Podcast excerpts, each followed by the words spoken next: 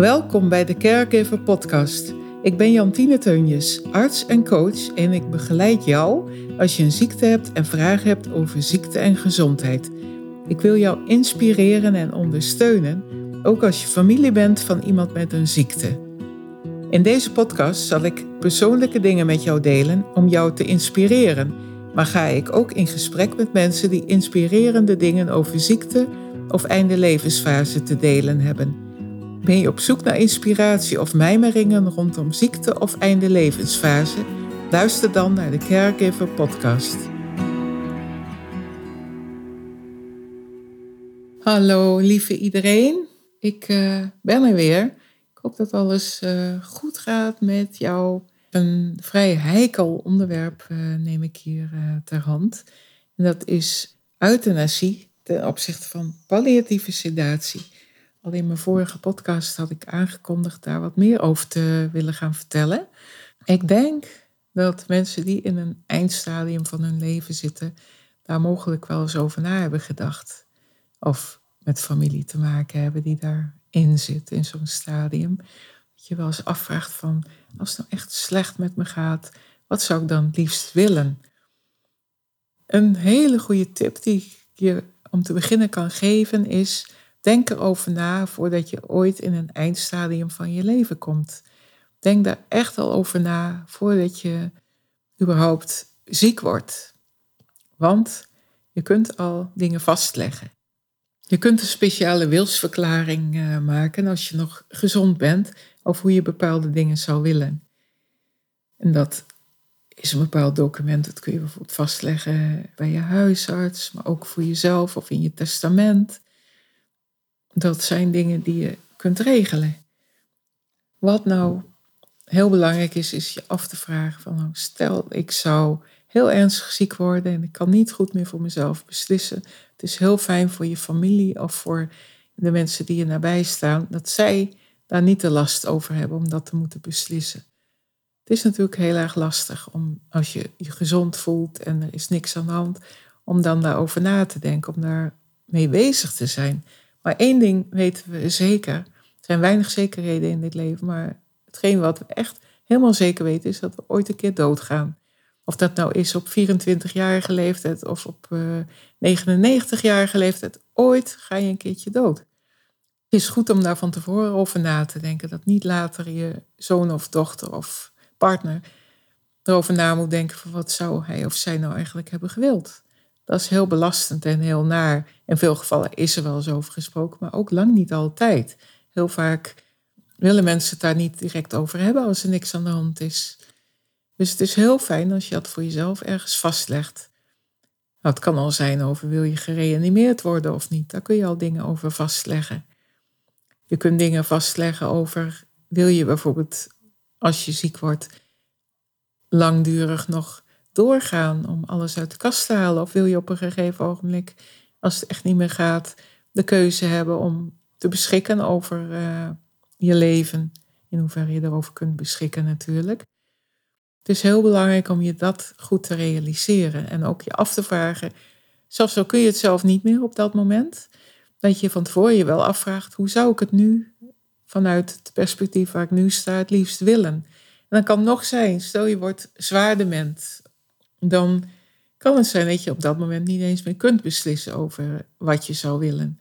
Dan is het wel fijn dat je familie weet dat je het op een bepaalde manier niet meer zou willen of juist wel zou willen.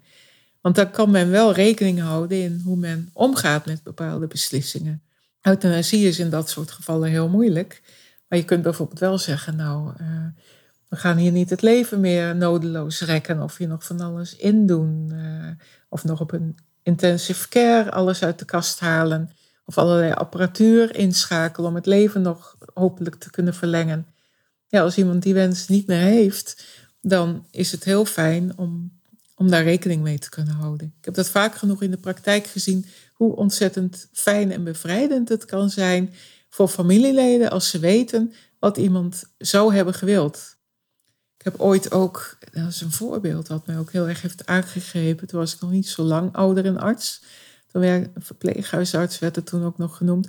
Werkte ik in een uh, verpleeghuis en er was een uh, best wel hele jonge mevrouw, die al zwaar dement was, die had het dus op hele jonge leeftijd al gekregen. En er was een partner die ook zeer betrokken was en die het beste voor zijn vrouw wou, maar ook gewoon wist wat ze wel en niet wou. Op een bepaald moment ging ze slechter eten en toen is er ook voor gekozen om dan niet meer bijvoorbeeld zondevoeding aan te bieden of om ja, extra energieverrijkte voeding te geven, ik noem maar wat. Hè?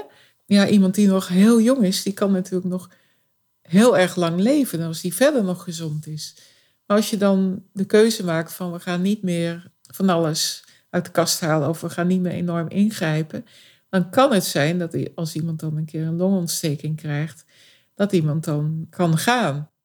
Maar je ziet ook heel vaak bij dementerenden, zie je dat met name heel veel, ook wel bij anderen hoor, maar ik vond juist heel verrassend bij dementerenden, dat ze op een bepaald moment niet meer gingen eten. Dat ze een soort punt zetten voor zichzelf, ook al waren ze nog zo dement, van nou wil ik niet meer. Dat konden ze dan nog heel goed aangeven. Dat vond ik altijd heel uh, verrassend en bijzonder. Om dat te zien, dat iemand dan de keuze maakte om te stoppen, in feite. En dan kon je nog ondersteunen met palliatieve middelen om dat proces zo prettig mogelijk te laten verlopen. Ik wil hier ook heel duidelijk, dat is eigenlijk ook wel een beetje de intentie van deze podcast, uitleggen wat nou het verschil is tussen euthanasie en palliatieve behandeling. Je hebt allerlei soorten palliatieve behandeling. Je hebt natuurlijk wat veel wordt besproken tegenwoordig is palliatieve of terminale sedatie. Nou, daar kan ik ook een heleboel over vertellen. Ik uh, ga hier ook niet nu een enorm praatje maken over allerlei technische dingen. Dat is niet mijn intentie hier, maar wel om een beetje uit te leggen van wat een reden kan zijn om voor het een of voor het ander te kiezen. Euthanasie is eigenlijk de meest ingrijpende vorm van ingrijpen. Dan grijp je ook echt in in het leven. Want dan maak je de keuze als er dan uitzichtsloos uh, leven is en echt lijdensdruk. Dan kan de keuze gemaakt worden door een persoon zelf ja, om ermee te stoppen. En natuurlijk is de definitie van uitzichtsloos lijden is, uh, heel ja, lastig om te duiden. En vandaar ook dat het bij een euthanasiewens van iemand wordt er ook super, super zorgvuldig mee omgegaan. Nog steeds is een eind aan iemands leven maken strafbaar officieel. Dus op het moment dat er gekozen wordt voor euthanasie, moet er ook uiterst, uiterst zorgvuldig gehandeld worden. En dan heb je allerlei dingen waar je rekening mee moet houden. Zo is er bijvoorbeeld, wat vaak wordt gedaan, is dat er een uh, arts gaat meekijken van, is iemand nog wilsbekwaam?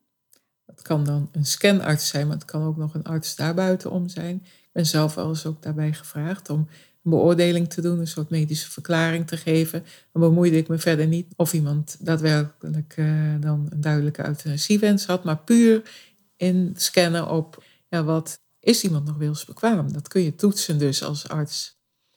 En daar heb ik wel eens een verklaring over afgegeven. Wat daar dan in aan de hand was. Of iemand daadwerkelijk wilsbekwaam was over dat gebied dan, of niet. Want ook wilsbekwaamheid is een vrij uh, ingewikkelde materie waar je ook super zorgvuldig mee om moet gaan. Vervolgens is er ook een uh, scanarts. Uh, en scan schrijf je dan als S-C-E-N. Ja, dat staat dan eigenlijk voor een arts die een second opinion afgeeft voor die persoon die die wens heeft. In hoeverre daadwerkelijk uitzichtsloos lijden is en ook iemand ook heel consistent is in zijn wens. Dat die wens ook heel duidelijk is. Dat wordt dan heel goed getoetst op allerlei manieren. Er zijn allerlei richtlijnen voor. Dat moet in Nederland ook. Ik weet niet hoe het in het buitenland is, maar dat is wat in Nederland in elk geval vereist is. Dat er zo'n arts meekijkt.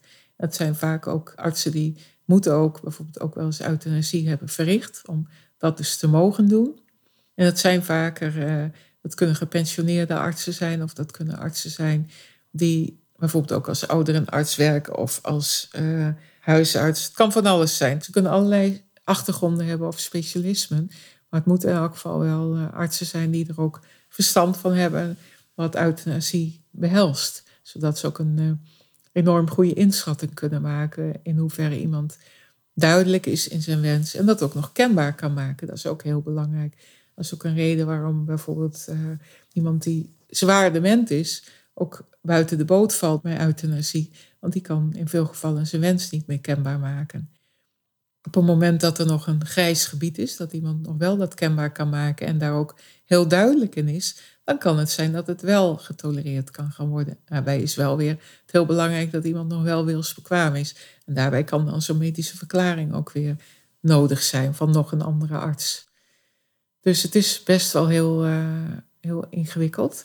Op het moment dat zo'n scanarts dan een duidelijk ja kan afgeven, kan er eventueel zelfs nog gekozen worden voor eventueel nog een uh, second opinion, uh, als er nog twijfels over zijn. Maar in veel gevallen is het de second opinion, die eigenlijk al door de scanarts wordt afgegeven, wel voldoende.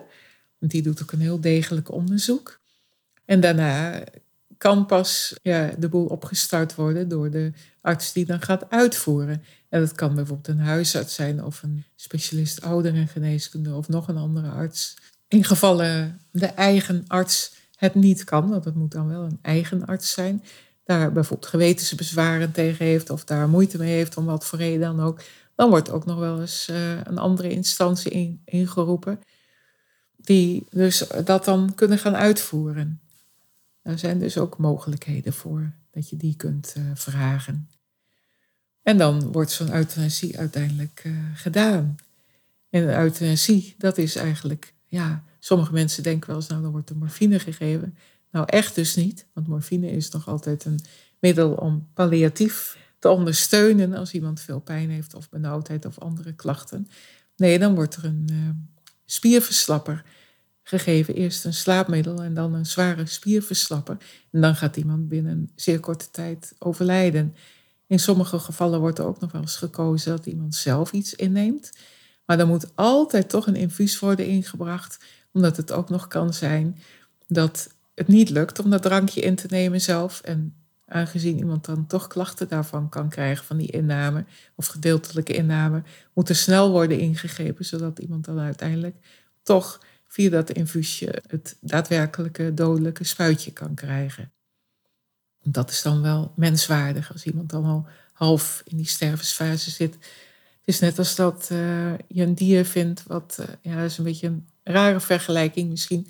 Maar ik vind dat dan bijvoorbeeld ook heel erg als je een dier vindt dat heel erg zwaar lijdt, uh, wat bijvoorbeeld half doodgereden is. Dan kun je de keuze maken van ga je zo'n dier nog oplappen of ga je zo'n dier dan uiteindelijk een spuitje geven. En in sommige gevallen kan het dan heel menswaardig zijn om te kiezen voor dat spuitje, omdat het uh, niet meer uh, dier- of menswaardig is. Maar zo is het ook uh, met mensen in dit geval. Dus ja, het is, dat is eigenlijk wat euthanasie is. Even heel kort beschreven nu. Als je dan palliatieve sedatie of terminale sedatie als een heel ander proces, daar kan ik ook een enorm verhaal over afsteken, over het technische verhaal. Maar wat in veel instellingen of ook in een thuissituatie gebeurt, dat is als iemand uh, al eigenlijk min of meer terminaal is en soms zelfs niet meer helemaal aanspreekbaar, dan kan er nog gekozen worden terminale sedatie of, of uh, palliatieve sedatie. Wat dan wel een voorwaarde is, die is echt heel belangrijk, dat een arts de inschatting op dat moment kan maken dat er een levensverwachting is van ongeveer twee weken of minder. Kan niet zijn dat iemand nog uh, volledig eet en drinkt en dat je de indruk hebt als arts, nou die kan echt nog wel, uh, nog wel zes weken leven naar inschatting. Je weet het natuurlijk nooit helemaal precies. Hè? Het kan ook zijn dat je op een bepaald moment als arts de inschatting maakt, oh dit kan nog wel eens uh, een maand of langer duren. En dat je dan na een paar dagen toch erop terugkomt en alsnog de inschatting maakt van het zal niet lang meer duren en we starten alsnog de sedatie. En sedatie is eigenlijk uh, een combinatie meestal van medicijnen die via een uh, pompje wordt toegediend. Je kunt ook nog een tussenvorm die ook wel veel wordt toegepast, die ik ook veel heb toegepast. Dat is dat je kiest voor een uh, bepaald onderhuids ja, het is eigenlijk geen infuus, maar het wordt wel onderhuids, wordt dan medicatie toegediend. En dat wordt dan ook ingebracht en kan dan ook blijven zitten. Dus ook uiteindelijk een soort uh, plastic, uh, iets wat daar dan kan blijven zitten. Wat eenmaal wordt doorgespoten en waar dan de medicatie in kan worden toegediend. En je kunt dan ook op die manier om de zoveel uur bijvoorbeeld morfine toedienen of, uh, en of andere medicatie. Ook slaapmedicatie dus. En ook kan er gekozen worden voor een pompje waarbij je de keuze maakt om niet continu toe te dienen. Dat iemand bijvoorbeeld op momenten tot rust komt of uh, minder pijn heeft of slaapt. Dat kan ook nog een keuze zijn. Er zijn er heel veel variaties in. Dat voert ook heel ver om dat hier allemaal uit te leggen. Maar het gaat mij eigenlijk meer om aan te geven van nou, terminale sedatie is toch echt wel heel iets anders dan euthanasie. Euthanasie is definitief. Dat is op dat moment echt levensbeëindigend. En iemand wordt ook niet meer wakker en sterft binnen zeer korte tijd. Bij sedatie kan het echt nog wel uh, dagen, misschien zelfs nog wel een week duren of nog langer, voordat iemand dan daadwerkelijk overlijdt. En het kan ook best zijn dat iemand nog wel even zijn ogen open doet en nog wel even uh, wakker wordt. Daar moet je goed rekening mee houden. Want als mensen voor die methode kiezen, dan zijn ze soms wel eens onaangenaam verrast dat iemand toch nog in één keer reageert. Dat ze hoopten dat iemand niet meer zou reageren. Ja, je kunt natuurlijk de keuze maken om zo zwaar te doseren met medicatie dat de kans minimaal is dat iemand nog wakker wordt. Als er voor terminale sedatie wordt gekozen, weet je eigenlijk dat iemand al zo terminaal is dat iemand uh, toch nog maar een zeer korte levensverwachting heeft. Of je moet echt voor die palliatieve sedatie kiezen, dat je iemand ook ondersteunt langdurig met medicatie via een pompje, waarbij duidelijk gekozen wordt om nog niet continu te sederen of medicatie toe te dienen, waardoor iemand nog kan reageren en zelfs puur, puur palliatief wordt behandeld, waardoor uh, bepaalde symptomen uh, meer handelbaar worden en draaglijk. Maar in veel gevallen zie je dus op het moment dat je het pompje gaat aansluiten, toch al vaak iemand zo ver heen is in zijn proces, dat het toch binnen een paar dagen uh, afgelopen is. En dan is dat een hele humane en hele prettige manier om iemand te zien gaan.